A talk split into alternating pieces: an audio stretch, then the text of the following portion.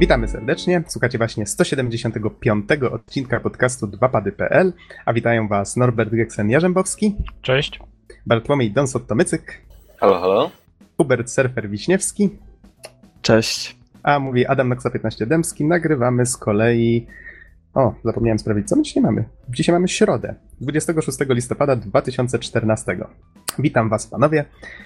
I dzisiaj myślę, że no, możemy w sumie zacząć od formalności, czyli przypominamy, że nasza strona jest nadal w budowie, ta, którą widać jest tymczasowa, czyli ostatnie pięć odcinków naszego podcastu tylko na niej znajdziecie.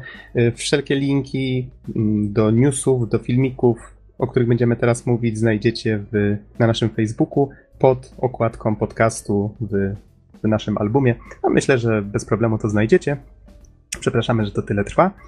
Z kolei dzisiaj głównym tematem będzie właściwie seria Metal Gear Solid, a konkretniej dwie części najnowsze, czyli Metal Gear Solid Peace Walker i Grand Zeroes. I tutaj myślę, że z surferem troszeczkę się na ten temat rozgadamy, więc pilnujcie nas panowie, może z tego wyjść coś, coś bardzo dużego. Będziemy nadzieję, pałować, jak to mówię. Mam nadzieję, że się powstrzymamy. Nie no, na pewno wspomożemy was kilkoma pytaniami które pomogą też przybliżyć całą serię słuchaczom, którzy na przykład nie są zbyt z nią zaznajomieni. Mhm. Więc no, myślę, że będzie dobrze. To jest bardzo dobry pomysł, zwłaszcza Don, że ty jesteś fanem, no ostatnio żeś recenzował Armę, wcześniej grałeś w Operation Flashpoint, więc ty lubisz takie przedstawiania konfliktów z bardzo realistycznego punktu widzenia, więc ciekaw jestem właśnie jak podejdziesz do, do takiego troszeczkę bardziej arcade'owego. No, zresztą posłuchacie, zobaczycie. E, z kolei wydaje mi się, że nim przejdziemy do newsów, które myślę, że dzisiaj powinniśmy się troszeczkę z nimi streścić, ale powiedzcie mi, panowie, przed tym, w co ostatnio gracie? Ja dalej gram Hyrule Warriors. E, zainstalowałem sobie też Call of Duty Heroes. Jest to taka gierka na Windowsa 8 i na platformy mobilne, no ale niestety z tego co widzę to jest gra w stylu kliknij, czekaj dwie godziny, kliknij, czekaj dwie godziny. Nie ma nic wspólnego z tym standardowym Call of Duty. E, no i tak, pierwszego dnia jak chciałem w to w ogóle zagrać, to serwery nie działały. Dzisiaj udało mi się odpalić na 5 minut, no i właśnie głównie czekanie. Na całe szczęście, wiecie, na kompie coś tam się w międzyczasie robi, ale no, szczerze wygląda źle, łamane bardzo źle, więc pewnie sobie odpuszczę. Baw się dobrze. Dwa pady.pl Okej. Okay. A w co ty Don ostatnio grasz? Ciągle Mafia dwójka, tak? E, już skończyłem, tyle że zostało mi dodatki, one są właściwie trzy. E, mhm. Jedna, jeden z nich to są dodatkowe przygody Joe, czyli przyjaciela głównego bohatera. W międzyczasie, kiedy Vito Scaletta, czyli właśnie główny bohater, przebywa w więzieniu, Joe przeżywa swoje przygody i właściwie o tym jest e, cały ten dodatek. Dwa pozostałe to jest e, przygody Jimiego i potem zemsta Jimiego, czyli niesamowicie ważnej postaci, której w ogóle nawet nie było chyba w wątku głównym, przynajmniej ja nie pamiętam. Ale ta waga e, jest tutaj ironią, czy, czy nie? Jest ironią, bo kurczę, nie wiem, szczerze powiedziawszy, mnie bardziej interesowały dalsze losy całego tego rozrysowanego scenariusza, mm, potyczek mafijnych, wojen, polityki i tak dalej, a nie zupełnie jakiejś nowej postaci, w której po pierwsze don't know, don't care. Właśnie, w sumie w dwóch punktach się zamknąłem, ale zobaczymy. Ukończę to i pewnie zrobię recenzję razem z dodatkiem, czyli tej wersji extended. Poza tym jeszcze to męczę, męczę i męczę L.A. Noir, ale naprawdę jest to gra, która wymaga po pierwsze no, wypoczętego umysłu, mówiąc krótko. E, dużo zagadek, mamy w niej e, dużo różnych elementów, które wymagają myślenia, łączenia faktów, czy też na przykład, nie wiem, zrozumienia, jak, jak zadziałało dane przestępstwo, czy jak działał pewien przekręt, żeby móc potem na przykład przedstawić konkretne dowody i tak dalej, i tak dalej. Także na pewno nie jest to coś, co można pograć sobie bezpośrednio po pracy na godzinkę, na dwie i po prostu odłożyć. Więc, więc tą grę dalej męczę. Poza tym y, ostatnio poszedłem sobie do sklepu y, i natrafiłem na niesamowitą okazję, którą oczywiście trzeba zakupić zanim zniknie, czyli pudełkowa edycja Zaginięcia Itana Cartera wraz z albumem. Nie żałuję, naprawdę świetne wydanie z ewolutą tekturową i właśnie z albumem dołączonym z grafikami z gry. Właściwie to chyba nawet ze zdjęciami, raczej ze zdjęciami e, lokacji, na, na, na bazie których powstały lokacje gry. E, no i poza tym zakupiłem jeszcze Diablo 2 z dodatkiem. Wydanie wznowione, ale bardzo przypominające oryginalne premierowe, więc, więc się pokusiłem. No, czyli innymi słowy, gier naprawdę otacza mnie całkiem sporo. Czasu jest niestety mniej na to granie, ale powoli, powoli sobie to wszystko pokończę i oczywiście Wam tu opowiem, jakie były moje wrażenia. Mhm. A ty, Serper? E, no ja jakiś czas temu już zakupiłem Xboxa One, więc kolejną konsolę tej generacji. E, właściwie tylko dla wyścigów, więc e, Forza Horizon 2 i Forza Motorsport 5 to na konsolach, dlatego że PS4 bardzo ładnie zbiera sobie kurz od jakichś dwóch miesięcy. Mm, na PC Valkyria Chronicles, czyli gra z jakoś początku zeszłej generacji, z tego co pamiętam. To, to, była razie... ta, to były te takie, ta gra taktyczna, która wyglądała jak anime, tak?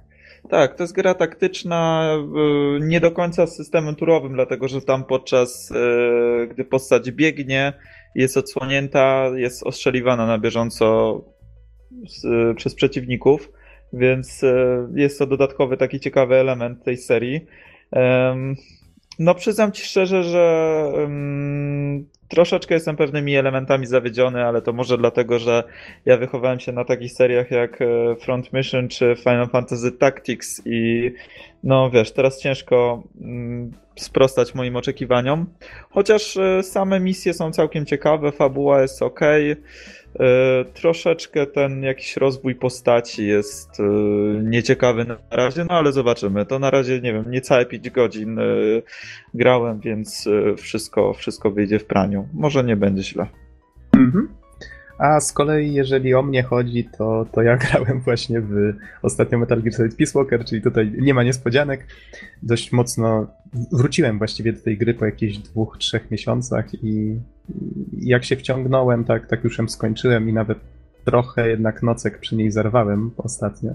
No ale to szczegóły w recenzji. Z kolei myślę, że możemy przejść już do newsów. Zacznijmy może od czegoś fajnego, wesołego i mamy tutaj Humble Bundle. No, jak zwykle e, Humble Bundle staje na wysokości zadania, żeby nam dostarczyć jakiś, jakiś fajny news. I tym razem skupili się na rzeczach od Segi, będzie trwał, jeżeli dobrze widzę, przez kolejne 12 dni y, ten, ten konkretny zestaw. I tutaj za dolara można już dostać Dreamcast Collection, można Nights into Dreams, Sonic and All Stars Racing Transformed, czy DLC do Total War ROM 2. I widzę, że jest jeszcze też DLC do Football Managera 2015. Z kolei co tutaj jest za, za więcej? Jest Empire Total War, jest, jeżeli się więcej niż, niż średnia zapłaci, która teraz wynosi niecałe 4 dolary, albo Company of Heroes 2, The Western Front Armies. Jeszcze tutaj będą dodawane jakieś gry później w, w ramach niespodzianki. No jeszcze widzę, że jest Total War Shogun 2, jak się więcej niż 12 dolarów zapłaci, nawet jest koszulka Dreamcastowa, jeżeli więcej niż 50. Myślę, że taki fajny zestaw dla, dla osób, które lubią old school. Z kolei, jeżeli jesteście gotowi zapłacić trochę więcej, to fajny też dla osób, które lubią strategię. Więc tak całkiem, całkiem ciekawie to wyszło. Ale ja też widzę jeden fajny myk, jaki tutaj zastosowali, mianowicie mhm. dają same DLC do Roma dwójki, do Football Managera, czyli tak jakby zachęcają do zakupu pełnej wersji tamtych gier w ten sposób. Myślę no sobie, tak, o kurczę, tak. mam już DLC, no to może kupię grę. W sensie, Poza tym chciałbym jeszcze dodać, że Company of Heroes 2 The Western Front Armies Oberkommando West to jest też dodatek, tylko bo jakby w podstawowej wersji gry mamy front wschodni, tutaj mamy zachodni i tylko ciekawi mnie, czy to jest dodatek samodzielny, czy nie. Natomiast Myśl... Total War Shogun drugi Fall of the Samurai to jest bodajże dodatek też, ale samodzielny. Na pewno. Powiem wam szczerze, ja na przykład zainwestowałem sobie minimalną sumę w ten zestaw tylko dlatego, że chciałem zawsze zagrać w to Nights into Dreams. Więc do mnie na przykład strategie mnie interesują, a, a to mnie jakoś przyciągnęło. Bo pamiętam jeszcze reklamę tej gry z Kaczora Donalda. To było lata temu, naprawdę. I zawsze byłem ciekaw właśnie, jak się w tę grę gra. Dobrze, jeżeli nie macie nic do dodania a propos Humbla, to lecimy dalej. I tutaj kontynuacja newsa z poprzedniego podcastu, czyli a propos nowej gry od Telltale Games, czyli Tales from the Borderlands, oparta na świecie właśnie z, z, z gry Borderlands. I mówiliśmy wtedy, że gra prawdopodobnie pojawi się przed końcem roku. I tutaj niespodzianka, ona już właściwie jest, czyli to jest news z, tutaj patrzę na cdaction.pl z wczoraj. I gra już jest dostępna na niektórych platformach, będzie będzie na dniach. Właściwie jak będziecie słuchać tego podcastu, to już na pewno będzie wszędzie, więc E, chociaż widzę, że tutaj PS4 i Xbox 360 do 3 grudnia, to to, to nie, to jednak, to jednak jeszcze tam nie będzie dostępne, niemniej na dniach właściwie powinno być już wszędzie. Dobrze, co my tutaj mamy dalej? A, coś, co jest związane z Hatred, o którym jakiś czas temu dyskutowaliśmy. Mianowicie, no, mówiliśmy o tym, że gra jest bardzo podobna do pierwszego postala, który też był właśnie w rzucie izometrycznym. Zapowiedziano niedawno, tutaj widzę news jest z 17 listopada na Eurogamer.pl, zapowiedziano, że ten oryginalny postal z 97 zostanie zremasterowany na Unreal Engine 4 też trochę ciekawy dobór silnika, też z tym Hatred tak związane i wyjdzie na PC, Maca i Linuxa, będzie się nazywał Pol- Postal Redux. Zastanawiam się tylko, czy to się sprawdzi, tak? No bo sz- szczerze, no tyle co grałem w postale jedynkę, to jakby no tam gameplay nic nie urywał niestety. Był taki sobie, no bo to, to jednak była gra opierająca się jakby na, podobnie jak Hatred, że przyciąga tym swoim fenomenem, czy raczej może bardziej nie, nie fenomenem, co tym szumem Szok. medialnym, jaki wokół Mhm. siebie tworzy, o dokładnie. Tym szokującym gameplayem.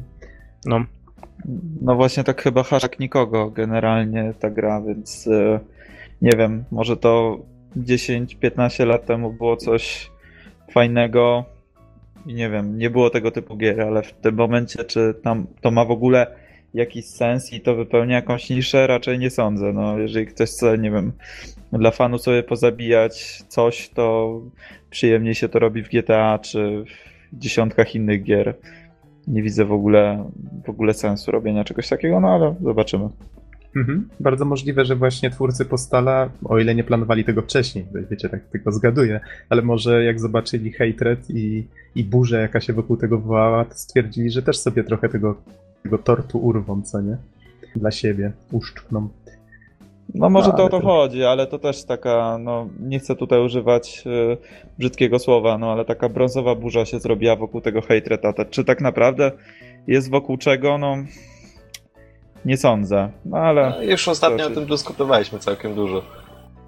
no właśnie, więc może nie będziemy dalej tego tematu drążyć, bo mi się wydaje, że nie ma tak naprawdę o czym gadać. No, nic, ta gra, nic ten trailer na razie nie zaprezentował ciekawego i nowego w grach, więc mniejsza o to. No ale jeszcze nie słyszeliśmy w każdym razie twojego zdania, więc, więc y, okej. A jeżeli ktoś nie słuchał poprzednio, to wydaje mi się, że jakoś chyba dwa odcinki temu, trzy, na pewno w opisie odcinka mówiliśmy o tym, że dyskutujemy o Hatred, więc, więc odsyłamy do poprzednich odcinków. Z kolei przechodząc już dalej, co my tutaj mamy? This War of Mine, czyli czy właściwie może jeszcze raz wymówię ten tytuł, poprzednio Bizon go źle usłyszał, więc This War of Mine, czyli ta moja wojna, tak? Y, To jest polska produkcja i myślę, że o tyle warto o niej wspomnieć, że zwróciły się koszty jej produkcji już w pierwszy weekend od jej wydania, więc Nice. olbrzymi sukces. No, dokładnie. Gratulujemy tutaj i 11-bit, które grę wydało. Nie wiem, czy oni ją tworzyli, ale gratulujemy i twórcom, i wydawcy. Ale też warto pogratulować samego pomysłu, tak? No bo tak jak tutaj jedziemy na Hejtreta, który... No dobra, zostawmy Hejtreta, no ale w każdym razie tu, tutaj jest fajny pomysł, że pokazanie wojny, owszem, ale troszkę od tej drugiej strony, od tej strony cywili i, i to mi się podoba, tak? Mhm. Zgadza się. Z kolei tutaj jest jeszcze jeden news, to może ty, Don, powiedz, jaką ciekawą inicjatywę twórcy This War of Mine, ja- jaką taktykę właściwie przyjęli. Troszeczkę mi to przypominało to, co zrobił SOS swojego czasu. Ja, ja, ja właściwie myślę, że to nie przypomina tego, co zrobił SOS swego czasu, tylko jest dokładnie tym samym, co zrobił SOS swego czasu. Otóż e, po prostu jeden z pracowników, czyli deweloperów z 11-bit Studios, e, wszedł po prostu na na jeden z portali, na którym udostępniane są torrenty, nielegalne kopie gier i po prostu zostawił komentarz pod, e, pod linkiem do ściągnięcia, że e, i tutaj może cytat. Cieszymy się, że tytuł przypadł Wam do gustu. To udowadnia, że warto było nad nim pracować przez ostatnie dwa lata. E, I trochę dalej, jeśli z jakichś powodów nie możecie kupić gry, nic nie szkodzi. Wiemy, że życie może być czasem trudne i kupno pewnych produktów staje się niemożliwe. No i cóż, gość po prostu dodał od siebie chyba kilkanaście kodów darmowych do gry i tym samym jakby no, wykazał się pewnym zrozumieniem wobec piratów. Tak samo jak zrobił to SOS. SOS zrobił to wcześniej bardzo podobnie, czyli, e, czyli po prostu najpierw napisał wiadomość, w której, w której stwierdził, że dziękuję bardzo za to, że, że gra się pojawiła, że jest to bardzo przyjemne, że jest zapotrzebowanie na grę, no i także dorzucił kilka kodów e, MacPixela do ściągnięcia, bo o tej grze właśnie mówimy. Przy okazji muszę powiedzieć, że, mm, że po pierwsze to jest bardzo fajne zagranie ze strony twórców, a po drugie mi się w ogóle wydaje, że jeśli gra, powiedzmy, twórcy niezależnego trafia na torrenty, trafia na jakiekolwiek pirackie platformy, e, które, no, które umożliwiają darmowe jej ściągnięcie, e, na pewno nie oznacza to żadną stratę dla takiego twórcy, dlatego że przede wszystkim jest to darmowa promocja i szansa na to, że ktoś E, zajrzy do gry, czy się z nią zapozna, jest znacznie większa, bo po prostu powiedzmy ktoś e, nie byłby na to zdecydowany, żeby, żeby grę zakupić, może sobie ściągnąć za darmo i wypróbować. A bardzo często może się zdarzyć, że taka osoba, która grę wypróbowała za darmo, a może nawet ją ukończyła, kupi sobie oryginalną wersję, bo powiedzmy, nie wiem, będzie chciała mieć na swojej kolekcji Steam. Także, no, po pierwsze, jakby skracając tutaj całą dyskusję, która, która może się wywiązać. Wydaje mi się, że, że właśnie taki, taki, e, takie zjawisko, że po prostu gra indie się pojawia na torrentach czy gdzieś, czy gdzieś e, indziej, to po prostu jest dobry znak dla twórców, bo to oznacza, że zapotrzebowanie na grę jest, a, a poza tym to jest darmowa promocja. Więc, no, a z kolei taki wpis, jaki, z jakim mieliśmy tutaj do czynienia, czyli, czyli jakby to wykazanie się pewnym zrozumieniem, nawet wrzucenie kilka darmowych kodów, też jest bardzo fajnym, jeszcze świeżym E, zagraniem PR-owym. E, zobaczymy, jak to będzie, bo właściwie wydaje mi się, że mamy tutaj do czynienia z pewną tendencją. E, z tego, co słyszałem, nie tylko SOS i nie tylko Eleven Beat Studios no jak na razie to zrobiło, więc zobaczymy.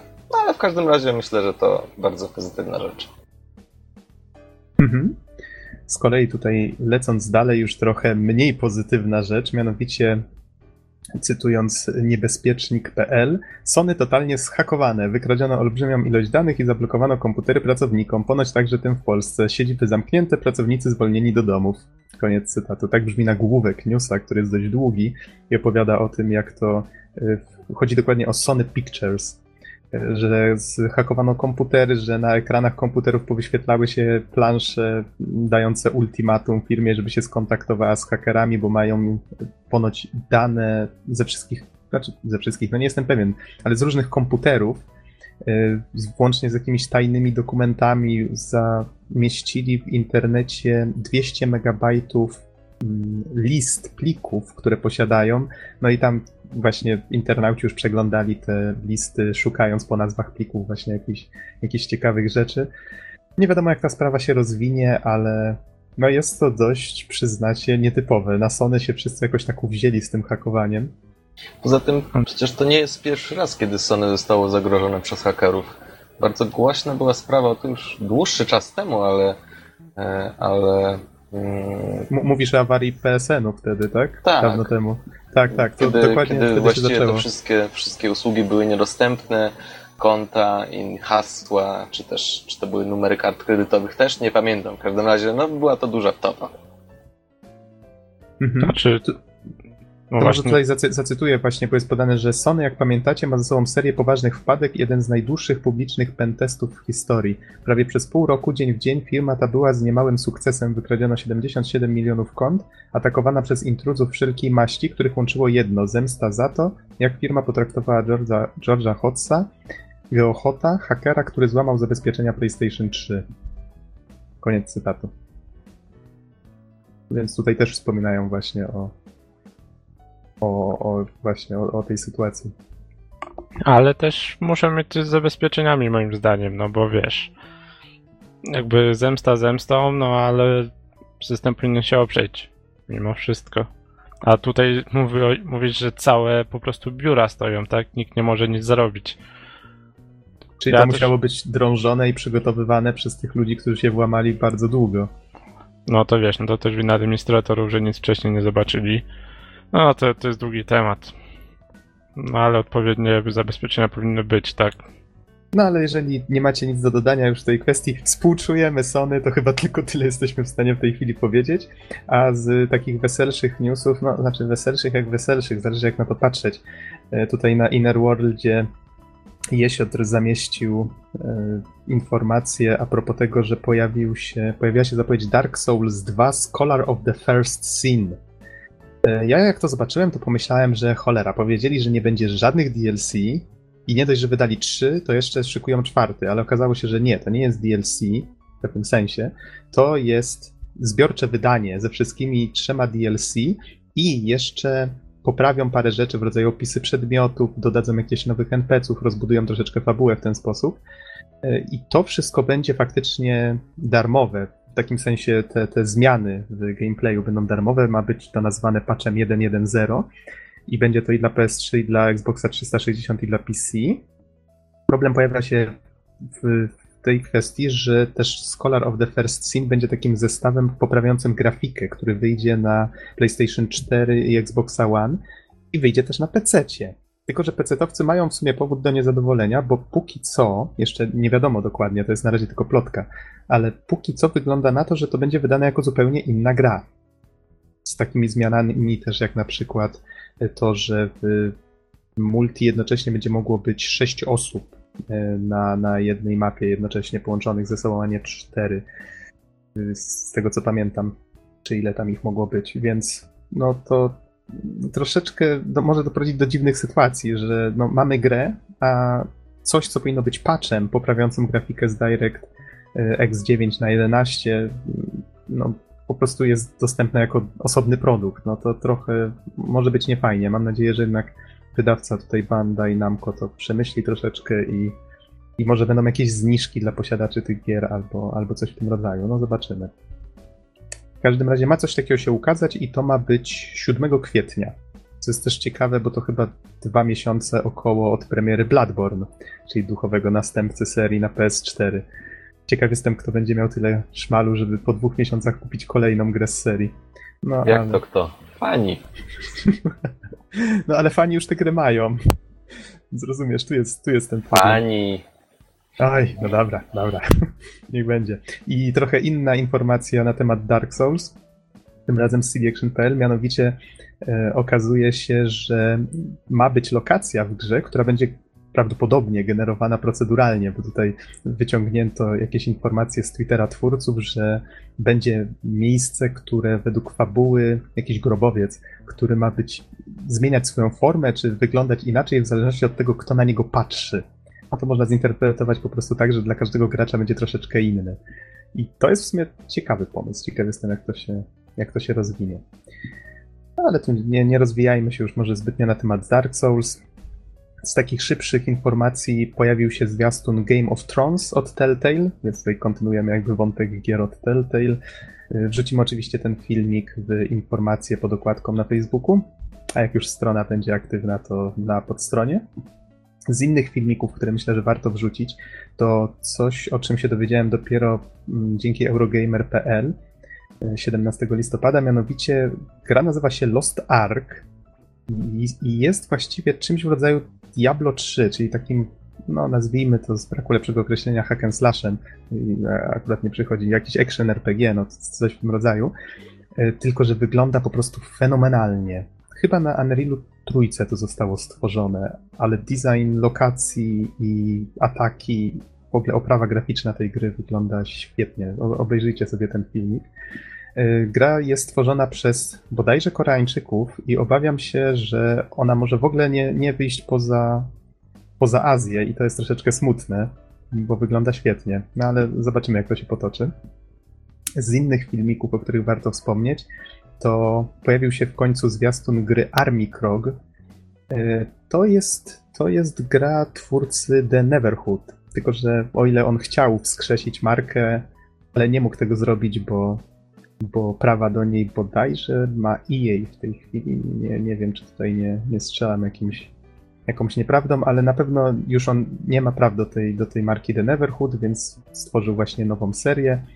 I gra jest o tyle specyficzna, że tak jak Neverhood, cała jej grafika powstała z, ze zdjęć poklatkowych. Czyli wszystkie postacie, animacje i, i tereny, to wszystko było najpierw wymodelowane właśnie z plasteliny i dopiero potem fotografowane. I o ile może się to wydawać taką syzyfową robotą, to efekt jest naprawdę fajny. Wygląda to bardzo ciekawie. Więc to też jest filmik, który warto zobaczyć. E, I właściwie dwa ostatnie już filmiki, które dodamy, to może najpierw wspomnę o Goat Simulator MMO. Goat MMO Simulator, właściwie tak to się nazywa. Czyli patchu do, do kochanego symulatora kozy, tak? Który ma w tej chwili się wyśmiewać z WoWa i, i innych A to jest, to jest patch, czy to jest dodatek? To jest patch, z tego co pamiętam. I jest darmowy. Tak, jest darmowy. Hmm. I dodaje takie ciekawostki, jak możliwość grania czterema klasami. Tam bodajże był, był czarodziej, był wojownik, mikrofalówka, y, coś jeszcze. Ale mikrofalówką można grać, tak. Zawsze o tym marzyłem. Kurde. Teraz mnie kusi, żeby kupić. Ale jak obejrzysz zwiastun, to kupisz na pewno. Gwarantuję. Bo to tak jakbyś wrzucił Goat Simulator właśnie w takie realia średniowiecza, coś w tym rodzaju. Total No, madness. Total madness.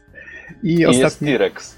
Zauważyłem właśnie na trailerze pod koniec. A, tak, tak, tak, jest T-Rex. No, czego tam nie ma? Magia, maybe. Są dinozaury, sprzeda się. A, są dinozaury i kozy. I kozy, tak, to na pewno się sprzeda. I filmik, który jest właściwie bardzo świeży, bo ukazał się przedwczoraj, czyli e, filmik z Batman Arkham Knight. Właściwie niby to gameplay, ale no, widać tutaj du- dużo cinematików. Mam wrażenie, że, że to bardziej ma pokazać, jak gra będzie dynamiczna i mam nadzieję, że faktycznie będzie tak dynamiczna. Grafika wygląda bosko. Wow, ja czekam. Już wrzuciłem ten filmik na naszego Facebooka wcześniej, zaraz po jego obejrzeniu. Tylko powiedz mi, czy oni określili wreszcie na jaką to platformę pokazują, bo chyba na E3 była jakaś afera z tym, że pokazywali to jako grę na PlayStation 4, a okazało się, że gra była odpalona na PC. Jak to teraz wygląda? E, Nie mam pojęcia, nie śledzę tego, bo ja wychodzę z założenia, że, że ta gra i tak, wiesz, ona pójdzie na PS4, pójdzie na Xboxa One, na PC będzie wyglądać na pewno jeszcze lepiej, więc w sumie nic mi więcej do szczęścia nie potrzeba. Nudny jesteś, powinieneś właśnie szukać takich plotek i wiesz, żyć tym, żyć tym i to rozpowiadać dalej. Nie no, wiesz, robiło mi się to uszy akurat, bo chyba nawet twórcy się tłumaczyli z tego, że rzeczywiście, y, rzeczywiście się chyba do tego przyznali. No nie chcę tutaj też nikogo pomawiać, żeby mnie tutaj ktoś nie ścigał zaraz za to. Znaczy, jak wiesz, nas powiem, na przykład ci Rocksteady tak, że- słucha czy coś. Powiem ci tak, że ja w sumie rozumiem problemy, z jakimi twórcy się borykają i wydaje mi się, że bardzo dużo z tych problemów wynika z tego, że to jest dopiero no, takie pierwsze naprawdę olbrzymie tytuły wychodzą na tą obecną generację i twórcy prawdopodobnie mają jeszcze problemy z tym, żeby okiełznać te nowe możliwości, więc ja się nie dziwię, że oni wolą na przykład pokazać coś na PC-cie, żeby, żeby pokazać, że to w ogóle działa i działa płynnie, niż na przykład pokazać to na PS4, żeby to działało jakoś tak koślawo jeszcze, więc wydaje mi się, że to może być tym spowodowane. A Sony, no cóż, jest na pewno firmą, która powie, nie, nie, nie, nie, musimy powiedzieć, że to działa na PS4, bo przecież nie powiemy, że to działa na PC-cie. I no, domyślam się, że to są po prostu kwestie tego typu związane, no, zahaczające o politykę. Polityka, panie. Polityka, panie, tak, dokładnie. Zahaczająca o politykę firmy i inne tego typu rzeczy. Niemniej gra wygląda świetnie. A, najlepszy Batman, jaki ever. Ja się jaram. I cóż, i wydaje mi się, że chyba, że macie coś jeszcze na temat Batmana, czy Goats MMO Simulator, czy czegokolwiek do dodania, czy kończymy już newsy? Czas Myślę, najwyższy. że możemy przejść do tematów głównych. Przejdźmy więc do tematów głównych, a przypomnę, że dzisiaj z. No tutaj z surferem myślę głównie, bo, bo razem z surferem jesteśmy fanami ser- serii Metal Gear. Będziemy rozmawiać o Metal Gear Solid Peace Walker i myślę, że pogadamy też troszeczkę o Metal Gear Solid 5 Ground Zeroes. Z kolei ja właśnie tego Peace Walkera skończyłem w ten weekend. A jest to dość, dość rozbudowany tytuł w sumie, choć troszeczkę specyficzny nawet jak na tę serię. I ta gra początkowo ukazała się na PSP. Patrząc tutaj, ciocia Wikipedia mi podpowiada, że to był kwiecień 2010. Z kolei ja grałem w wersję. To, to jest chyba jedyny, jedyny MGS na PSP, którego nie kupiłem, chociaż mam konsolkę. E, kupiłem go dopiero w tym roku jakoś była promocja, w której dostawało się właśnie i Walkera w wersji HD, która ukazała się w 2011 i dostawało się go razem właśnie z Grand Zeroes. A że wszyscy mówili, że Grand Zeroes to jest właściwie takie sprzedawanie dema gry za normalne pieniądze, bo grę można skończyć w półtorej godziny i mniej więcej tyle mi zajęła, y, no to, to 80 zł za te dwie gry potraktowałem trochę tak, jakbym kupował Peace Walkera, a Grand Zeroes dostał za darmo. No i w sumie to chyba było zdrowe podejście. Przechodząc do samego Peace Walkera, a konkretniej do wersji HD na PS3, bo taką właśnie grałem, jest to gra, która, która opowiada, właściwie ona jest częścią tego kanonu serii, czyli ona opowiada historię, która jest sequelem i Metal Gear Solid 3. Właśnie nie wiem, panowie, powiedzcie, na ile mam przybliżyć ogólnikowo historię serii, bo to jest tak złożony temat, że kilka godzin moglibyśmy o nim gadać. Bardzo ogólnikowo w takim razie. Okej, okay, to w takim, w takim razie powiem tak. Seria opowiada o. Na pewno wiele osób słyszało o Snake'u. Snake, czyli legendarny żołnierz, który z reguły. Przepraszam, mogę tylko zapytać tak, w tak, imieniu tak. słuchaczy mniej obeznanych, mhm. o którym Snake'u mówisz? I tutaj oddaję Ci głos na najbliższe półtorej godziny. Okej, okay, w tej chwili mówię o Solid Snake'u.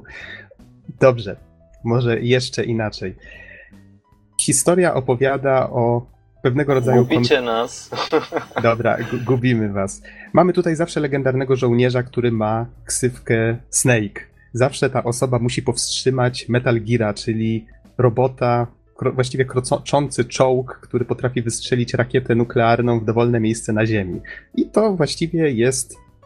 To jest tak właściwie można opisać każdą część tej serii, tylko Trochę. z różnymi. Trochę jak Mario, to sama historia, różne gry. Albo Zelda. Trochę tak, ale wszystkie te gry, one się łączą w taką olbrzymią telenowelę, gdzie bez przerwy ktoś kogoś zdradza, ktoś, ktoś yy, tam powiedzmy ma jakieś inne intencje niż się początkowo wydawało, różne intrygi ma, okazują się mieć drugie, trzecie albo i czwarte dno. I dlatego można na ten temat długo dyskutować. W każdym razie seria jest podzielona na takie właściwie dwie zasadnicze części. Mamy przygody Solid Snake'a, który mm, i to są części takie bardziej y, obecne, czyli bardziej współczesne, we współczesnych czasach dzieje się akcja i mamy przygody Naked Snake'a, w pewnym sensie można go określić mianem ojca Solid Snake'a. I on, jego przygody już toczą się w czasach zimnej wojny, czyli troszeczkę wcześniejsze. I Peace Walker i Grand Zeroes to jest właśnie, y, to, to jest kontynuacja przygód właśnie Naked Snake'a, którego od tej pory może określajmy mianem, nie wiem, Big Bossa, bo to jest jakby ksywka, którą w pewnym momencie on przyjmuje i pod taką, pod, tak go określano w tej, tej nowszej mm, w, w przygodach Solid Snake'a. Czyli tak, kierujemy Big Bossem. To już żeśmy ustalili. Mamy 1974 rok. On już skończyliśmy Metal Gear Solid 3, skończyliśmy Metal Gear e, Solid e, Portable Ops, bo to były dwie gry, które bezpośrednio poprzedzają wydarzenia z Peace Walkera. E, w Peace Walkerze akcja dzieje się na Kostaryce, w Ameryce Środkowej i w tej chwili już jesteśmy świadkami tego, jak Big Boss zakłada organizację, którą wszyscy fani dobrze znają, czyli Outer Heaven. W tej chwili na początku gry znane jako Militarist Sans Frontiers, czyli Soldiers Without Borders jest właściwie taka organizacja, która zrzesza właściwie najemników, żołnierzy, którzy nie mają swojego miejsca na świecie, którzy wykonują misje na, na całym świecie. I w pewnym momencie do, do Snake'a i, i Kazuhiro Miller, tak? Jeszcze te, ten jego pomocnik, Tutaj właśnie dowiadujemy się między innymi, jak się poznali. To też jest postać znana w serii. E, do nich zawita w pewnym momencie profesor Galvez i niejaka Paz. I no tutaj Snake bardzo szybko odkrywa, że Galvez jest tak naprawdę wysłannikiem KGB i oni informują ich, że na Kostaryce, która zgodnie z konstytucją nie może mieć swojego, e, swojej własnej armii, nagle pojawiły się jakieś amerykańskie, znaczy nie wiadomo czyje, ale szybko się okazuje, że amerykańskie jednostki wysłane prawdopodobnie przez CIA. No i tu pojawia się też um, oczywiście podejrzenie, że tutaj prowadzą jakieś, jakieś um, dziwne działania militarne, no i że prawdopodobnie sprowadzają też broń nuklearną. No, historia oczywiście toczy się w kierunku tutaj Metal Gearów, czyli E, czyli czy tej, tej maszyny bojowej, która jest w stanie wystrzelić ten pocisk. A dlaczego ktoś chciałby go wystrzelić i, i kto właściwie stworzył tego Metal Geara, to jest już zupełnie inna kwestia. Tutaj jakby cała historia się, się rozwija w różne kierunki, ale Kojima o tyle, Hideo Kojima, czyli twórca tej serii, o tyle fajnie tutaj, e, myślę, rozwinął, rozwinął tą historię i umieścił tu takie postacie, żeby fanom, e, fani od razu poczuli się jak w domu, bo na przykład poznajemy tutaj e, Hueya, naukowca, który wygląda i mówi jak Otakon znany Solid Snake'owi i no, jest właściwie ojcem tamtej postaci, więc to jest od razu coś, co sprawia, że o, ja znam tego gościa. I tutaj o, pojawiają nie się znam jeszcze... tego gościa. Albo tak, albo do, no, nie znam tego gościa, ale fani od razu będą wiedzieli, kto ale to jest. czuję się tak, jakbym go znał. Pojawia się tu dużo postaci, dużo, mm, dużo wątków, które, e, które fani od razu skojarzą. Ale to może, żeby właśnie nie wchodzić już zbytnio w, w te kwestie, historia ma, jak to w grach Kojimy, ona trzyma w napięciu, ma sporo emocjonujących momentów, ma też swoje głupstewka. To akurat nie jest nowością, że Kojima szafuje różnymi, e, różnymi tematami. Pojawia się tu na przykład tematyka AI, czyli sztucznej inteligencji. No, niby jest rok 1974, ale tutaj mamy do czynienia z techniką, która w różny sposób wybiega mocno poza to, co, co było dostępne w, w tamtych czasach, co też tworzy w sumie taką ciekawą mieszankę, że to niby za, e, za drzwiami nieznanymi publice tam była rozwijana właśnie jakaś taka dziwna, tajemnicza technologia. Ale to myślę, że do AI jeszcze przejdziemy.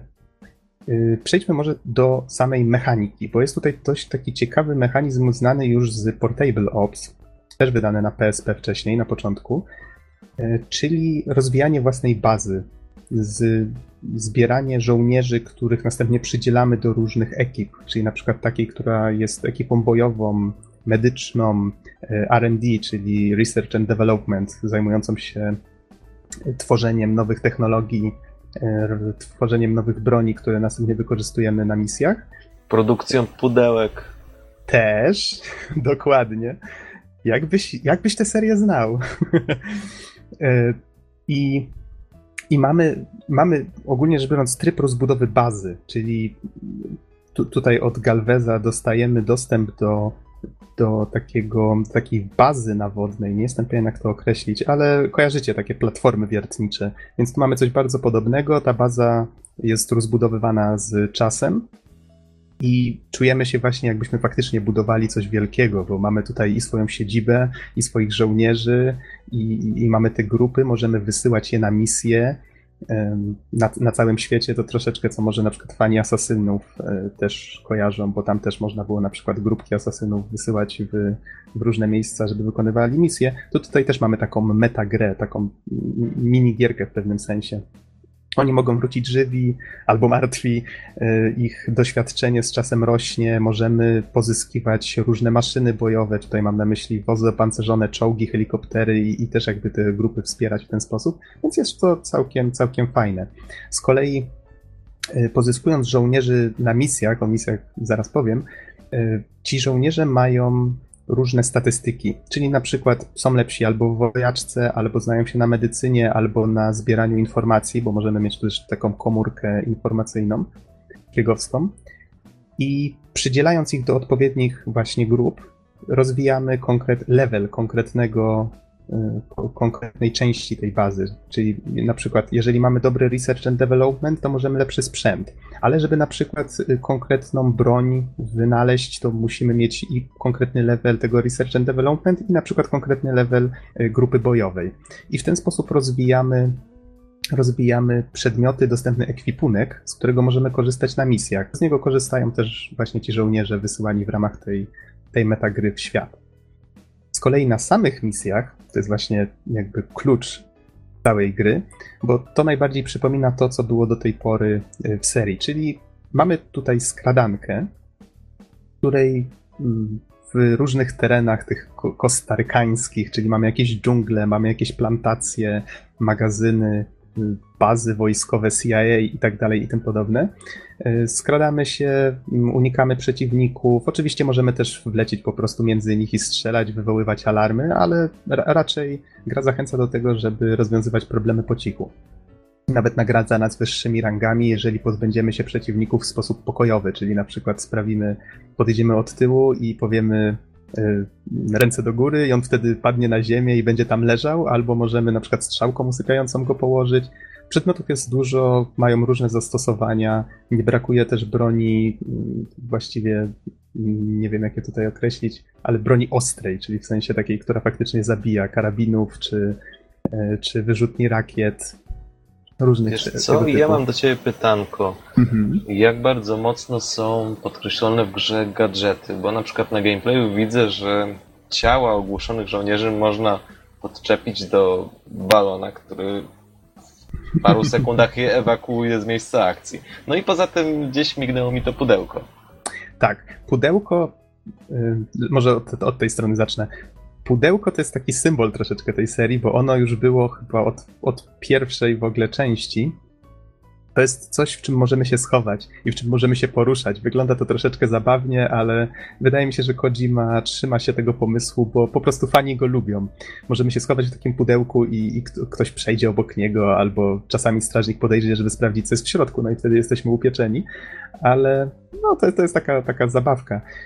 Y, w pewnym sensie i to jest też taka, taki charakterystyczny motyw w Metal Gear Solid, że ta seria, ona nie stara się być symulatorem. Nie traktujcie jej, broń Boże, jak symulatora skradania się, bo to jest bardziej, a przynajmniej do tej pory było, do tego też przejdziemy, to był bardziej arcade.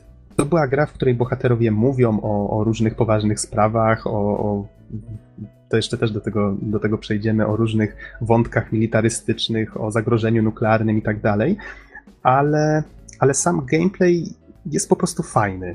Tak na zasadzie, że on ma bawić. Czyli skradamy się, ale nie jest to jakoś tak na zasadzie symulacji, tylko bardziej w pewnym momencie pojawiają się właśnie te gadżety, czasami jakieś mm, żarciki i tym podobne rzeczy. I to w pewnym sensie tworzy taki dość nietypowy klimacik, ale też tworzy grę, w którą jak już poznasz fabułę, to wracasz do niej po prostu po to, żeby się, żeby się bawić gameplayem. I myślę, że to jest, to jest tutaj bardzo fajne. Z kolei ten Fulton, bo to, się, to ten balon, który żeś zauważył, on się nazywa Fulton Recovery System.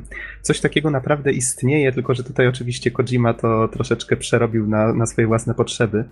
Y, w Portable Ops pozyskiwało się żołnierzy no, tutaj poza rekrutacją na zasadzie, że powiedzmy zgłaszają się ochotnicy, możemy pozyskiwać ich na misjach. Czyli zobaczymy żołnierza wroga i co robimy? Siup do ciężarówki. Tada! Mamy żołnierza w swojej armii. On tam posiedzi sobie trochę w celi, namówimy go do współpracy z nami i on wtedy jest naszym żołnierzem. Wiesz co, to dla ciekawostki mogę ci powiedzieć, że e, w dawnych czasach istniał taki zwyczaj jak szanghajowanie, czyli powiedzmy to w zwyczajach morskich i kulturze morskiej.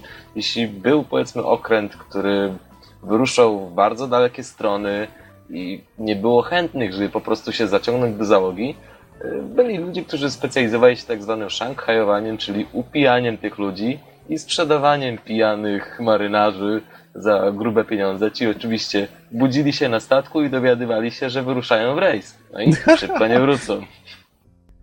A to wiesz, to ja myślałem, że to jest najgłupszy pomysł w całej tej grze, ale teraz już zaczynam patrzeć na to inaczej. W każdym razie w Peace Walkerze... True story, bro. True story, bro.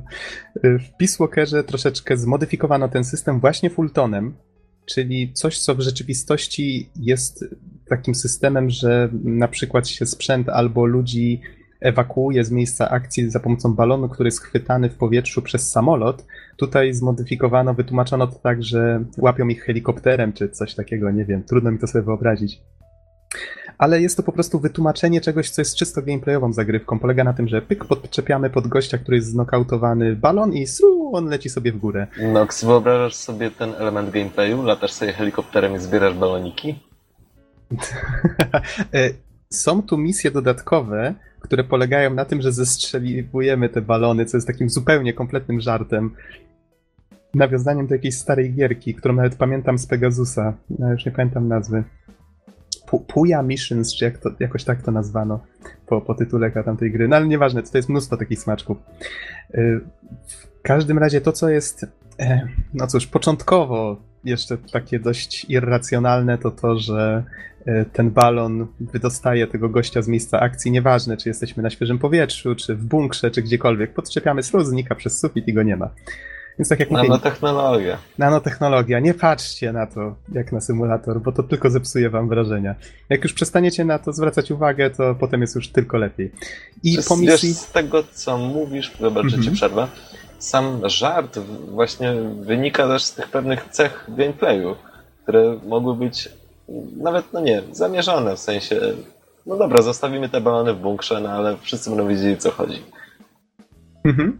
Ale powiem ci, że to i tak jest dużo przyjemniejsze niż, niż jak w Portable Ops trzeba było gościa, którego się ogłuszyło, nieść całą mapę do ciężarówki, jeżeli chciało się go e, zwerbować, więc to jest i tak dużo, dużo lepsze. Okej, czyli e, wspomniałem o tym, a tu jest jeszcze kilka innych ważnych rzeczy. Tutaj już patrzę, co my tutaj mieliśmy. Wspomniałem o, o tym, że gra jest podzielona na misje, zaczęliśmy wchodzić tutaj w te przedmioty, ale bardzo ważną rzeczą jest to, że w grze można grać w koopie. Właściwie większość misji fabularnych i większość misji pobocznych jest tak zaprojektowana, że możemy grać nią samemu, albo możemy grać na przykład w skradankowe w dwie osoby, a w walki z bossami na przykład nawet w cztery. I większość misji właśnie można, można rozegrać e, w cztery osoby. Z kolei e, i myślę, że naprawdę warto, warto przynajmniej te właśnie misje oparte na, na walce przechodzić w grupie. Zaraz jeszcze wyjaśnię dlaczego. Z kolei jeżeli chodzi o same misje, no to mamy fabularne, no to tutaj raczej nie trzeba zbytnio wyjaśniać. Tutaj toczy się ta fabuła do przodu. W pobocznych mamy na przykład bronienie jakichś punktów, mamy na przykład jakieś konkretne cele, wysłać fultonem w powietrze, mamy coś wysadzać za pomocą C4, mamy treningi strzeleckie, ale są też żarciki. W większości pojawiają się już po skończeniu fabularnej części. Właściwie w ogóle według mnie gra rozwija skrzydła po, po skończeniu tej fabularnej części, bo wtedy nagle pojawia się bardzo dużo tych misji pobocznych, które są przeróżniaste. I mamy na przykład takie żarty w rodzaju, że jesteś w masz w ekwipunku tylko banana i za jego pomocą masz sprawić, żeby wszyscy przeciwnicy na mapie się poddali. Czyli, czyli musisz zdać kogoś od tyłu, powiedzieć ręce do góry. I wszyscy leżą na ziemi, a ty miałeś tylko banana w ręku cały czas. Masz misję z duchami, czyli na przykład y, musisz unikać duchów albo zlokalizować ducha na mapie. Są tu też misje, które powstały we współpracy z Capcomem. Mianowicie trafiamy w pewnym momencie na y, wyspę z potworami i tutaj nagle gra się zamienia w taki odpowiednik Monster Huntera. Mamy jakiegoś olbrzymiego tyranozaura i czwórkę gości próbujących go położyć za pomocą y, wyrzutni rakiet. Więc A czy Takie- są tam kozy? Spytam zachowawczo. Nie, ale w Metal Gear Solid 5 widziałem, który jeszcze nie, nie wyszedł, widziałem screena, na którym można fulltonem potraktować kozę. Więc tak, będą takie, takie nowaliki. Ogólnie rzecz biorąc, przypomniało mi to bardzo, ta struktura tej gry przypomniała mi bardzo VR Missions z pierwszego MGS-a. To był też taki zestaw mini, mini misji, w których mogliśmy zdobywać coraz lepsze rangi, tylko że tutaj oparto na tym główną mechanikę, czyli mamy, cała gra jest podzielona na misje, możemy zdobywać coraz lepsze rangi, oczywiście można zdobyć achievement za przejście wszystkiego na rangę S, i, tak dalej, i tak dalej. Możemy polepszać swoje wyniki. Granie po raz kolejny jest o tyle fajne, że znajdujemy faktycznie tych ludzi, którzy mm, coraz lepiej się sprawują, pozwalają nam coraz lepszy sprzęt produkować i można długie, długie godziny na tym spędzać i można długie, długie godziny na tym spędzać i rozwijać właśnie swój sprzęt, swoją bazę i o ile mnie przejście gry zajęło tej fabularnej części, chociaż przechodziłem czasem też misje poboczne, jakieś 28 godzin, Wydaje mi się, że można to dużo szybciej osiągnąć, oczywiście, nie, nie robiąc pewnych rzeczy. O tyle już po jej ukończeniu chyba spędziłem drugie tyle z nią, grając z ludźmi w koopie, rozwijając bazę, a i tak jeszcze mam wrażenie, że bardzo dużo tam mógłbym osiągnąć. I, i wielu misji też nie, nie przeszedłem. Gra posiada też różne tryby na zasadzie wymieniania się żołnierzami z ludźmi, tryb versus, czyli coś, co bardziej przypomina taki standardowy deathmatch albo team deathmatch. Tam było chyba też przejmowanie punktów. Jest wysyłanie paczek ze sprzętem do losowych osób albo osób, z którymi graliśmy. No jest masa przedmiotów, które można odblokować e, właśnie za pomocą rozwijania tej, tej swojej bazy, czyli różne pudła, bo pojawiają się, nie ma tutaj jednego pudła, są różne pudła i są też pudła dla wielu osób, czyli na przykład, tak wiem, dziwnie to brzmi, ale dwie osoby mogą wejść w jedno pudło, które jest na przykład czołgiem, albo dwie osoby mogą wejść w pudło, które sprawia, że się szybciej leczą i tak dalej i tym podobne. Są też pudła bomby, które jak ktoś próbuje podnieść, to wysadzają się w powietrze i, i tak dalej. Wspominałem o tym, że jest masa broni, to już nie będę się powtarzał każdym razie tak patrzę jeszcze, o czym ważnym powinienem wspomnieć. Coś, co w serii jest o tyle istotne, czyli kodek. To jest zawsze była to możliwość dzwonienia do postaci, czyli w trakcie misji dzwonimy powiedzmy do Otakona i nagle zaczynamy rozmawiać o, o jakichś różnych rzeczach, czy to o tym, co się dzieje właśnie w trakcie misji. Czasami były to takie rozmowy o zupełnie niezwiązanych z misją tematach, które... Kino. Kino. Godzilla. Dokładnie, w MGS3 z, z naszą bodajże, nie pamiętam dokładnie kim była to postać, ona się chyba paramedyk nazywała, można było z nią rozmawiać e, właśnie o kinie i były tam tematy Godzilli i to było tyle ciekawe, że właśnie w tamtych czasach to było popularne, więc, więc te postacie tak jakby e, dodawało trochę głębi tym postaciom. Wiedzieliśmy czym się interesowały i przy okazji było to takie też cofnięcie się w przeszłość, całkiem ciekawie zrobione to tutaj rozwiązano to inaczej. Ze względu na to, że, że jest to gra na platformę mobilną, no to Kojima wyszedł prawdopodobnie z, ze słusznego wniosku, że ludzie nie będą w trakcie misji dzwonić tym kodekiem. Misje są w miarę krótkie, jest ich bardzo dużo, ale można je ukończyć od kilku do kilkunastu minut. I, i ten kodek został zastąpiony kasetami.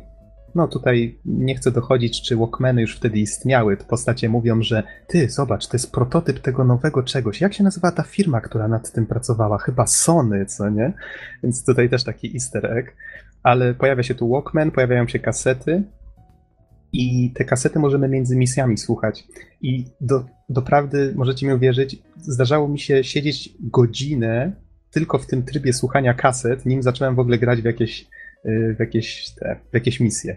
Czy to słuchając rzeczy związanych z misją, czy właśnie słuchając nagrań, w których postacie rozmawiają między sobą o, o tym, jak się poznały, albo jakie mają plany na przyszłość. I to jest bardzo fajne, myślę przede wszystkim dla fanów. Nie trzeba tego kompletnie słuchać, można to zupełnie olać, ale jak ktoś jest fanem serii, to się tam dowie wielu ciekawych rzeczy. Jeszcze po przejściu gry można odblokować kasety, które bardzo rozwijają backstory i i na przykład historia takiej postaci jak The Boss z Metal Gear Solid 3, to była mentorka właśnie Big Bossa. No, dużo, dużo rzeczy można się dowiedzieć z tych kaset. Jest tam dużo mówienia też na takie poważniejsze tematy. No, żartów nie brakuje oczywiście, ale na przykład jak się, jak się śmieją właśnie z tych pudeł, e, pudeł czołgów, tak, jest taka świadoma narracja troszeczkę, burzenie czwartej ściany, ale, a, ale fajnie to wychodzi. Z kolei mamy tu też mówienia o takich poważnych tematach, jak właśnie zagrożenie nuklearne, czy nuklearne odstraszanie, jak się okazało, tak się to nazywa. Deterrence, nuclear deterrence e, wokół którego właściwie cała fabuła się toczy, czyli ta zasada, że ktoś musi mieć broń nuklearną, żeby ktoś drugi bał się użyć jej przeciwko niemu, no bo wtedy bałby się, że tamten ją wystrzeli i wtedy wszyscy się zniszczą nawzajem, czyli na, na tym polega właśnie koncept nuklearnego odstraszania. No, różne, rozmawiają o Hiroshimie, ale to jest myślę taki wątek, który się w całej serii przewija, więc no, no tutaj gra stworzona przez Japończyków, więc wydaje mi się, że to też jest takie troszeczkę taka, taka no, historyczna naleciałość związana z tym. No dobrze, o czym jeszcze nie wspomniałem? Hmm. Nie wspomniałem o walkach z bossami. To jest chyba ostatnia rzecz, o której naprawdę warto wspomnieć. Czyli to, co właściwie w serii też jest bardzo istotne, tylko że w tej chwili wygląda to trochę inaczej i powiem szczerze, że jak grałem to pojedynkę, to wygląda bardzo dziwnie. Mianowicie wyjeżdża mi na przykład jakiś wóz opancerzony i ja właściwie latam wokół niego i strzelam z rakietnic albo z tego, co sobie wyekwipowałem, bo możemy sobie zmienić ekwipunek na misję, przewidzieć różne stroje i, i tak dalej. I po prostu nie, nie widziałem w tym jakiegoś większego sensu. Zawsze walki z bossami były fajne, emocjonujące, trzeba było znaleźć na nich sposób i tak dalej. Tutaj z kolei polegało to po prostu na napitalaniu w ten wóz pancerny. Dało się to jeszcze zrobić tak, że można było pokonać wszystkich pomagierów, żołnierzy, którzy się spawnują wtedy na mapie. Jeżeli się to zrobi, to po zniszczeniu trochę tego czołgu jeszcze na przykład pojawia się gdzieś jego dowódca. I wtedy jak się pokona dowódcę, to wtedy czołg staje się nasz i możemy tam, jeżeli go naprawimy, to, to staje się częścią naszej jednostki. Jeżeli Wysłać z- Fultonem. No właśnie, samego czołgu się nie da, szkoda, ale to jest pomysł. Y, W ten sposób pozyskujemy wozy bojowe, czyli bierzemy walkę z bossem konkretnym, to może być helikopter, może być, może być czołg albo wóz opancerzony i jeżeli pozbędziemy się wszystkich żołnierzy, to wtedy wóz jest nasz. Walkę możemy też wygrać niszcząc ten pojazd, ale to wiadomo, że się zbytnio nie opłaca.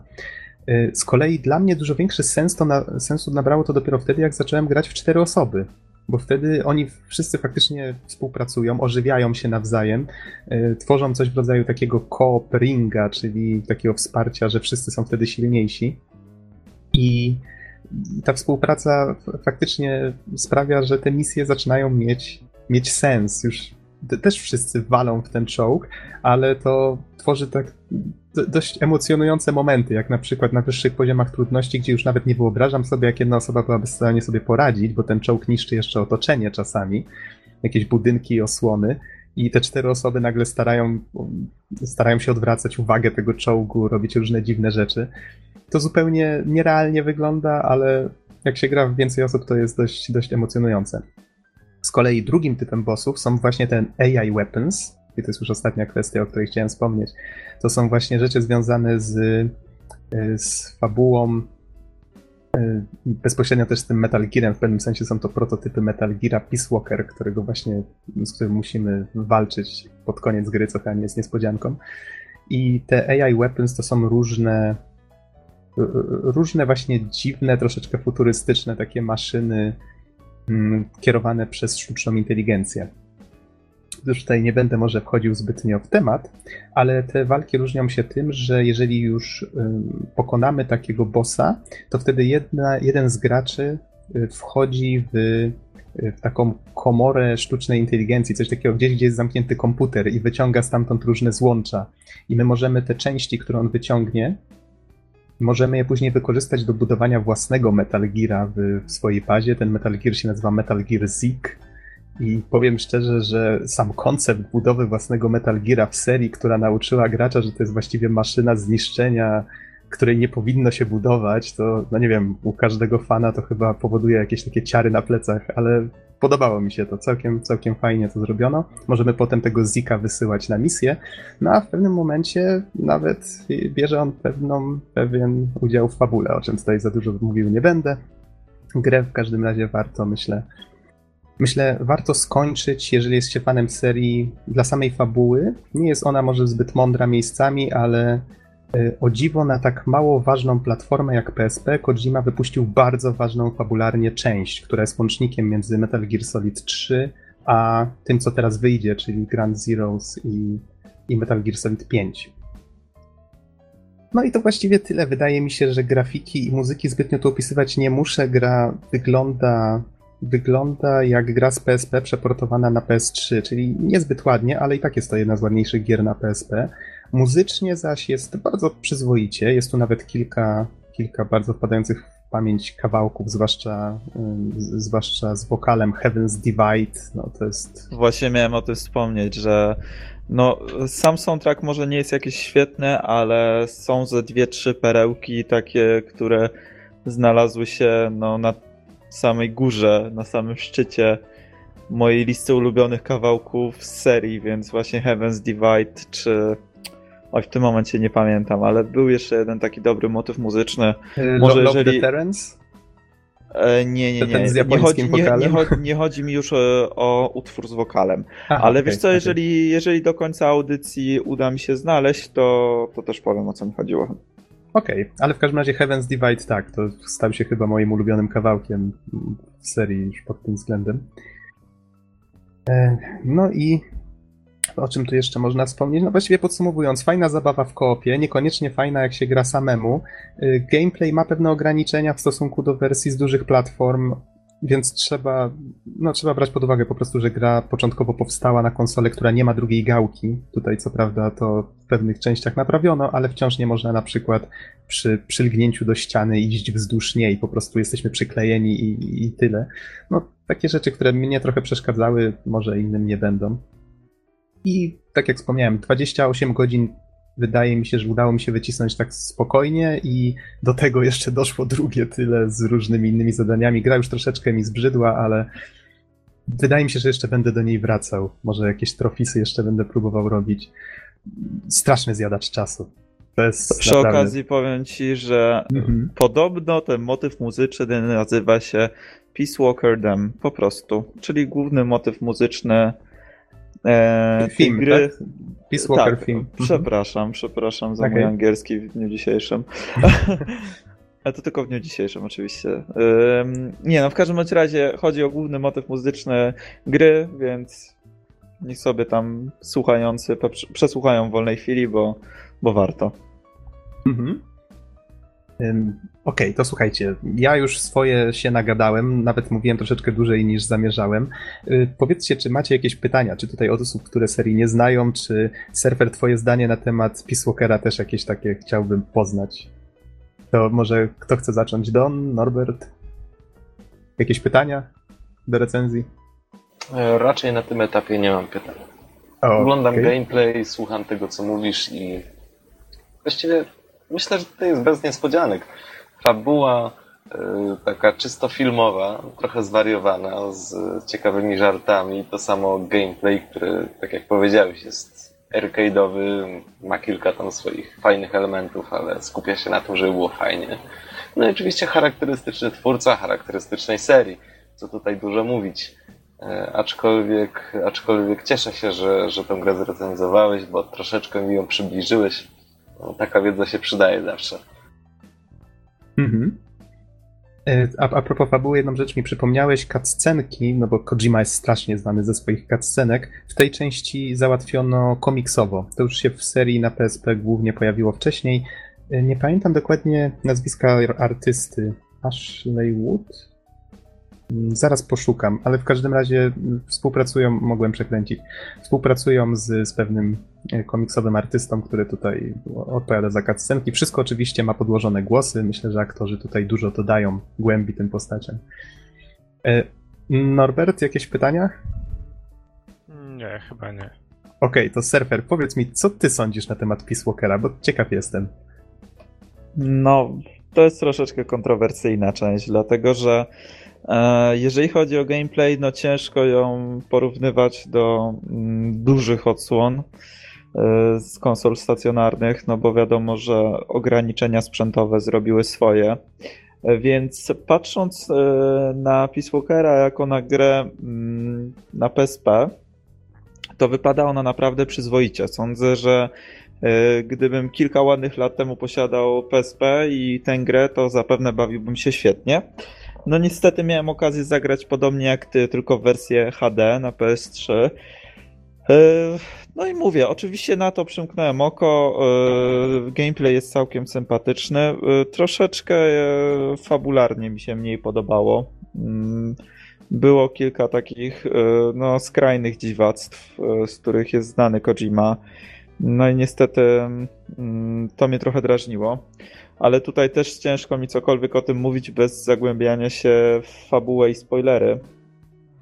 Więc powiem ci, że ogólnie gra jest dobra. E, uważam, że czasami ma nawet przebłyski gry świetnej. Właśnie w rozbudowie bazy, w niektórych misjach, w niektórych momentach fabularnych. No naprawdę ciarki przechodzą po ciele, ale generalnie, generalnie jest po prostu dobrze, czyli no niestety jak na standardy serii jest to dosyć słabo, no bo jednak e, m, taki MG, MGS 1, 3 czy 4, no to są po prostu gry genialne. Mhm. A, tak, sprawdziłem, to, to był Ashley Wood. Zgadza się, ten artysta komiksowy.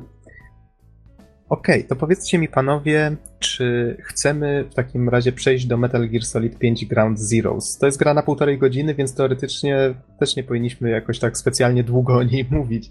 Może E, przede wszystkim serwer, ty powiedz, bo mówiłeś, że nie możesz dzisiaj e, długo być. Czy przekładamy dyskusję na temat Grand Zeroes na później, na inny odcinek, czy może już dzisiaj? Jak uważasz?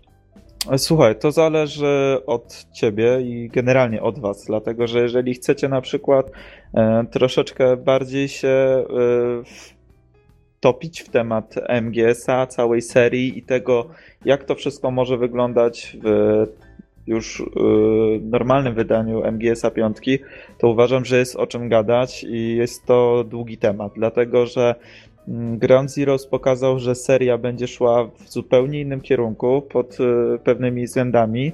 Ja o tym napisałem co nieco w swojej krótkiej recenzji na Innerworldzie i y, to jest generalnie długi temat. Więc teraz pytanie, czy chcesz rozmawiać tylko i wyłącznie o samym Grand Zeroes? Wtedy można to zamknąć w 15 minutach. Czy chcesz może rozmawiać e, w Grand Zeroes, ale w oparciu o całą serię? Wtedy mamy temat na przynajmniej 40 minut, bo mi się podoba w jakim kierunku idzie ta seria. E, mam dosyć duże oczekiwania, no ale tutaj trzeba się zagłębić w pewne elementy gameplayu e, i prowadzenia narracji i tak dalej. Mhm. To panowie, czy poświęcamy te 15 minut, czy jednak przekładamy tę dyskusję? Taka szybka, męska decyzja. Myślę, że możemy poświęcić te jeszcze 15 minut. Okej, okay, w takim razie przechodzimy szybko do rzeczy. Yy, gra nazywa się Metal Gear Solid 5 Grand Zeroes, a ta piątka jest tutaj dlatego, że Kojima postanowił podzielić Metal Gear Solid 5, które w tej chwili powstaje na dwie części. To jest prolog, czyli Grand Zeroes i wyjdzie jeszcze The Phantom Pain, czyli ta główna, główna gra. I to ma tworzyć jedną historię. Wydaje mi się, że po prostu pieniędzy im zabrakło w trakcie tworzenia, bo jednak tworzą to na nowym silniku, nazwali go Fox Engine, tworzony przez ekipę Kojimy. I wydaje mi się, że najzwyczajniej w świecie potrzebowali coś wydać, żeby sobie troszeczkę dorobić jednak czasu do, do skończenia The Phantom Pain.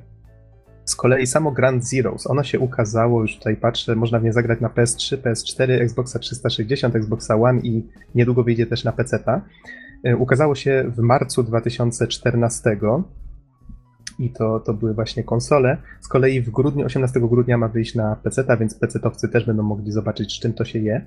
Pamiętajcie tylko o tym, że ta gra przypomina bardziej demo. To jest właściwie no, prolog gry. To jest półtorej, półtora godzinna misja, do której, żeby nie wydawała się właśnie takim wyciętym kawałeczkiem całości, dodano jeszcze jakieś zadania poboczne, czyli jak już ją ukończymy, to możemy sobie wtedy wybrać na przykład inny scenariusz. Polega to na tym, że mamy tą samą mapę, a tą mapą jest wojskowy obóz y, y, amerykański na Kubie, z którego w fabularnej wersji musimy E, musimy uratować dwie postacie znane z, Peace, z Peace Walkera, jest to Chico i Paz i musimy się tam dostać, musimy ich wykraść i wydostać się stamtąd helikopterem. Z kolei w tych misjach pobocznych one zupełnie nie są jakby powiązane z tym, mamy ten sam obóz, zamiast nocy, gdzie leje deszcz, mamy na przykład piękną pogodę, czyli tutaj twórcy się chwalą tym, że mają zmienne warunki pogodowe i tak dalej. I właściwie mamy na przykład zadanie wysadzić wszystkie działka przeciwlotnicze albo E, albo powiedzmy zabicia kogoś, albo tego typu rzeczy, no, mówiąc krótko. I gra tam nalicza nam jakieś procentowe wykonanie tego, ile żeśmy tego zrobili. I faktycznie, jeżeli ktoś chciałby to zrobić na 100%, to pewnie na wszystkich poziomach trudności to trochę z tym czasu spędzi. No niemniej ktoś, kto kupuje to tylko dla fabuły, to niech się przygotuje, że to nie jest wcale długa rzecz. Myślę, że to, co jest tutaj bardziej istotne, to to, w jaki sposób ta gra pokazała czego możemy się spodziewać po Metal Gear Solid 5, bo ona się bardzo różni. Tutaj nie wiem, serwer, czy chcesz troszeczkę za mnie może powiedzieć, jakie są takie kluczowe zmiany? Um, Dobra, niech się przede, przede, przede, przede wszystkim wydaje mi się, wiesz, taka rzecz, którą, która mnie uderzyła od razu po tym, no powiedzmy sobie szczerze, bardziej arcade'owym i, i oldschoolowym Peace Walkerze, z którym spędziłem e, kilka dni, czy tam cały weekend przynajmniej pod rząd i nagle włączyłem Grand Zeroes i się okazało, że to jest mroczne, że to jest realistyczne w miarę i wow, nawet jak, to już nie mówię o standardach serii, ale to jest realistyczna i świetnie zrobiona skradanka. jak to zobaczyłem, to e, tak, wow. wiesz co, e, przede wszystkim Snake. E, zupełnie inne jest odczucie biegania tą postacią. To jest troszeczkę ciężkie do opisania, ale E, wreszcie czuć, że ta postać swoje waży, że działają na nie prawa fizyki. E, są zupełnie nowe ruchy, zupełnie nowe animacje, e, no oczywiście nowy silnik. Nowa kontrola. nowa kontrola, więc jest masa nowych możliwości, nowych ruchów. Kurczę, dlatego mówię, to jest strasznie, strasznie głęboki, długi temat, ale generalnie siadasz do tej gry, grasz w nią 10 minut i jest to coś zupełnie nowego, coś świeżego. Mm, przy okazji naprawdę rewelacyjnie zrealizowanego, więc ja e, swoje jakieś tam mm, wrażenia z gry pisałem praktycznie na gorąco, dzień po przejściu i e, ja po prostu w samych superlatywach, jeżeli chodzi o to, się wypowiadałem, bo to plus y, wielkość Phantom Pain, czyli prawdopodobnie kilkaset razy większa mapa niż y, ta zaprezentowana w Ground Zeroes, no, pobudza mocno wyobraźnię i być może będziemy mieli do czynienia z jedną z najlepszych gier w serii, być może z jedną z najlepszych gier na obecnej generacji konsol, więc ja tutaj... czekam z mhm. niecierpliwością. Mhm. Bo tutaj warto jeszcze dodać, że i ty i ja graliśmy w wersji na PS3 czyli w tą tak, słabszą tak. graficznie. Czułem się troszeczkę jakbym grał w grę na najniższych ustawieniach graficznych, ale i tak wyglądała świetnie. Właśnie Więc... to jest inna sprawa, że wycisnęli chyba wszelkie możliwe soki z poprzedniej generacji i gra mhm. wygląda świetnie. Oczywiście nie działa jakoś super płynnie, są chrupnięcia dosyć częste i tak dalej. Ale działa. E, ale działa i widziałem też wersję na obecną generację. No i to już urywa beret. to już wygląda świetnie, to już wygląda naprawdę next genowo i e, jeszcze swoją drogą, swoją drogą mhm. chyba z tego co wiem, e, Grand Zeroes albo się pojawiło, albo na dniach pojawi się na Steamie. E, więc... no, to, no to tak jak mówiłem, to będzie grudzień, 18 grudnia. Wspomniałeś na... o tym? Tak, tak, wspomniałem, że. Znaczy nie no mówiłem to... o Steamie, mówiłem o PC, mm -hmm. że 18 się pojawi na PC. Na PC. Mm -hmm. Mm -hmm. Tak, więc zobaczymy jeszcze, jak to będzie wyglądać na PC, prawdopodobnie jeszcze lepiej. E, więc no, super. Dla mnie rewelacja. Ja się nie mogę tylko doczekać już Phantom Pain. Z takich rzeczy, o których wspomniałeś, a te też są ważną zmianą, wspomniałeś o mapie. Do tej pory Metal Geary zawsze składały się, no tutaj pomijając Peace Walkera, który powstał na maluteńką platformę, więc tam wszystko się składa z małych pokoików właściwie, albo z niewielkich dolinek. E, to właściwie jest chyba pierwsza część serii, która da nam otwartą, olbrzymią mapę, na której mamy wykonać na przykład jakąś operację. Będziemy mogli się poruszać konno, po, pojazdami prawdopodobnie też. Ja szczerze mówiąc nie śledzę zbytnio, bo chcę mieć więcej niespodzianek, ale widziałem już różne dziwne rzeczy na screenach i, i czasami jakieś tam tych. Mm, znaczy, nie wiem dlaczego opisach. mówisz, że y, pojazdy to jest coś, co być może będzie. Przecież Grand Zeroes już też masz pojazdy y, którymi możesz normalnie kierować, więc y, wóz opancerzony, normalne samochody, więc Generalnie to już jest Grand Zeroes.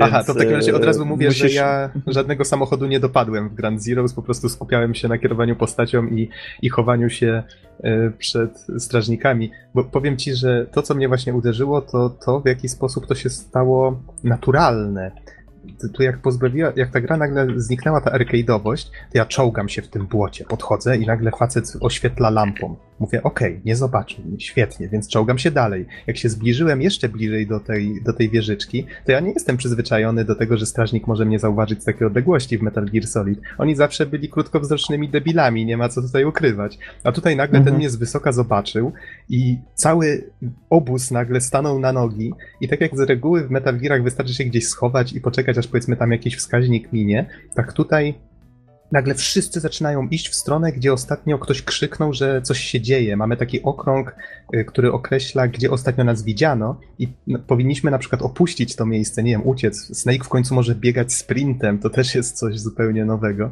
Ja po prostu spitalałem przed siebie, nie wiedząc, co ze sobą zrobić. Czegoś takiego w MGS-ie jeszcze nie no, widziałem. No słuchaj, to, to jest bardzo ciężkie. Ja e, pamiętam, że przy pierwszym swoim podejściu uciekałem chyba przez dobre 20 minut. To znaczy, gdzie, gdzie się ukryłem, zaraz patrole tak e, węszyły, że prędzej czy później ktoś mnie znalazł i wszystko od nowa. E, no Tylko, jest to cholernie... Boże, Boże, gdzie jest pudełko?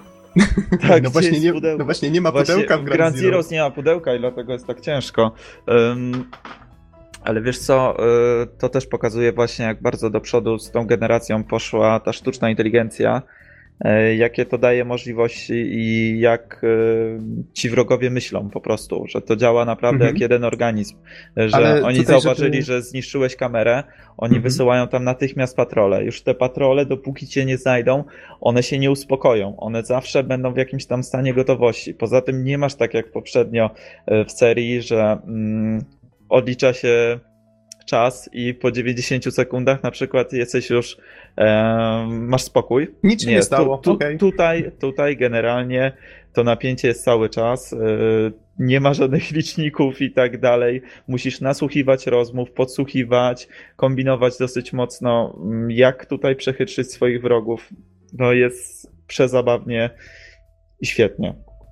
To jeszcze mm, chyba warto tutaj wspomnieć o tym, że właśnie no, kontrola się jest usprawniona. Akurat o sztucznej inteligencji to można by tutaj tu długo mówić, bo wiesz, ona w pewnych miejscach jednak kuleje. No to też było tak, że powiedzmy uśpiłem strzałką usypiającą jakiegoś gościa, a strażnik, który stał obok niego, eh, i idzie dalej, co nie? Więc zdarzają się też takie wpady.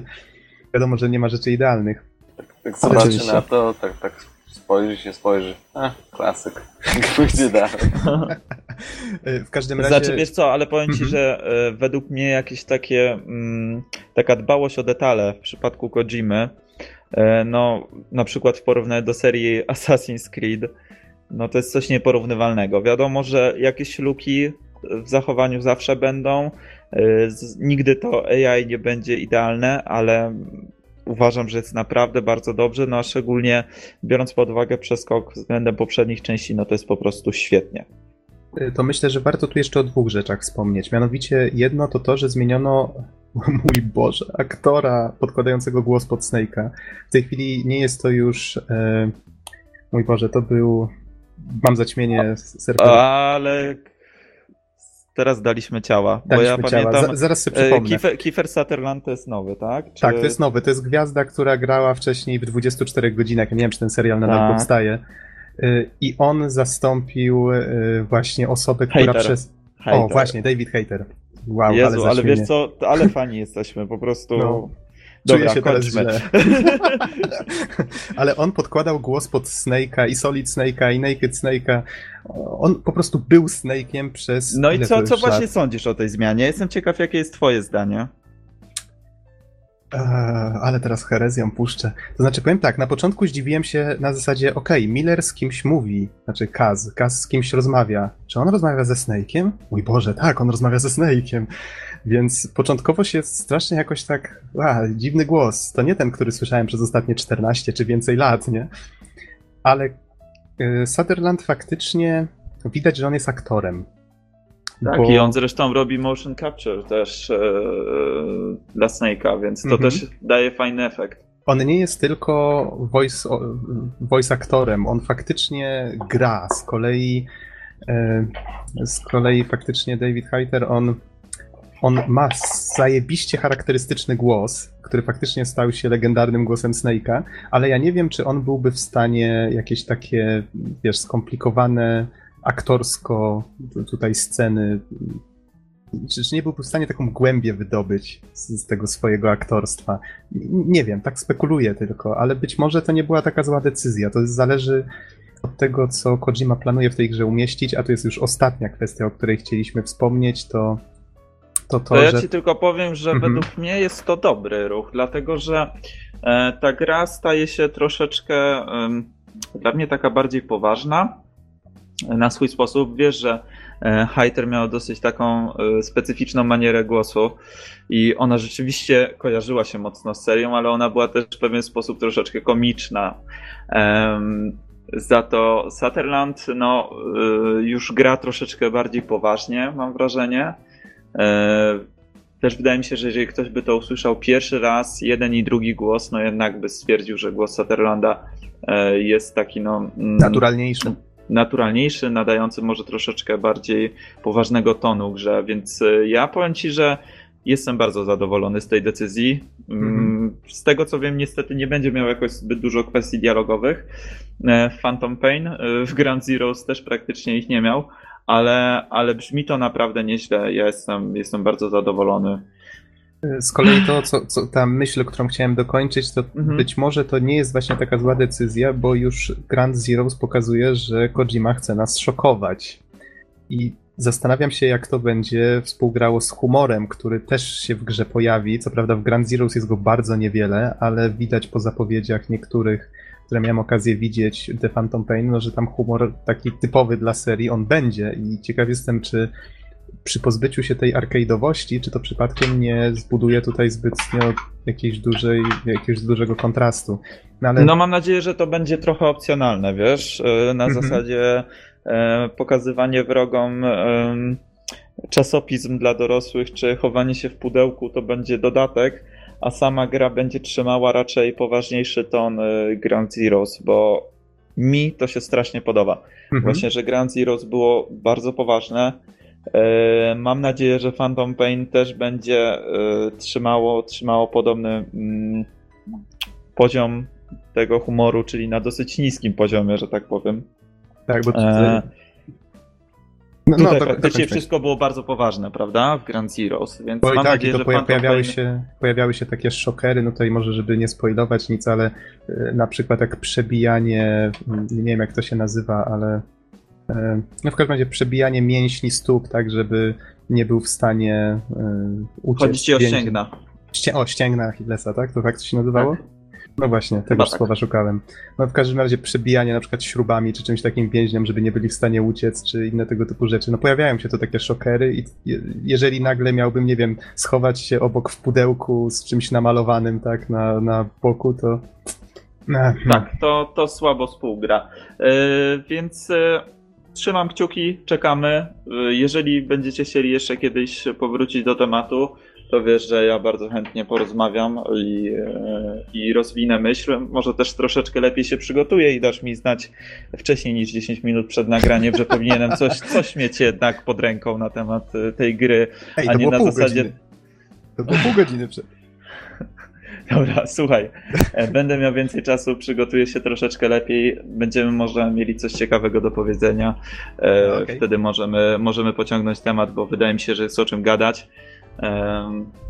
No, ale generalnie jest bardzo dobrze, więc o ile w przypadku um, um, Peace Walkera moje uczucia są dosyć mieszane, tak w przypadku Grand Zeroes jest jeden wielki, duży plus i, i straszne jaranie się i w ogóle o, super. O, czyli wszystkim, którzy serii nie znają, przypominamy, że Grand Zeroes będzie na PC w grudniu, z kolei piątka MGS-a jest zaplanowana na 2015, when it's done. Na razie nie wiadomo jeszcze dokładnie, kiedy to Tak, będzie. to może jeszcze na koniec tylko powiem, że jeżeli Mhm. kogoś w jakiś sposób zaciekawiła seria, a nie miał z nią do czynienia, to śmiało można zaczynać od trzeciej części, która jest wydana w wersji HD na PlayStation 3 albo w oryginale na PlayStation 2. I według mnie można lecieć chronologicznie, czyli od trzeciej części przez Peace Walker aż po Grand Zeroes i generalnie przechodząc te trzy części już można mieć jakiś zarys fabularny i mm, no i wtedy wiadomo już będzie o czym, o czym tutaj mówimy. Mhm. Okej, myślę, że możemy tym akcentem już skończyć. Czy macie panowie jakieś pytania? Na tym etapie już nie. Okej. Myślę, że do Metal Gear jeszcze wrócimy przynajmniej na recenzję The Phantom Pain. Tutaj liczę na jakąś łączoną recenzję Surfer. No, zobaczymy. Nic nie obiecuję. o, jestem pewien, że przejdziemy to jak tylko wyjdzie. Okej, i pora w takim razie już kończyć. Dziękujemy wszystkim bardzo za uwagę i do usłyszenia w następnym odcinku. Trzymajcie się. Cześć. Na razie. Cześć.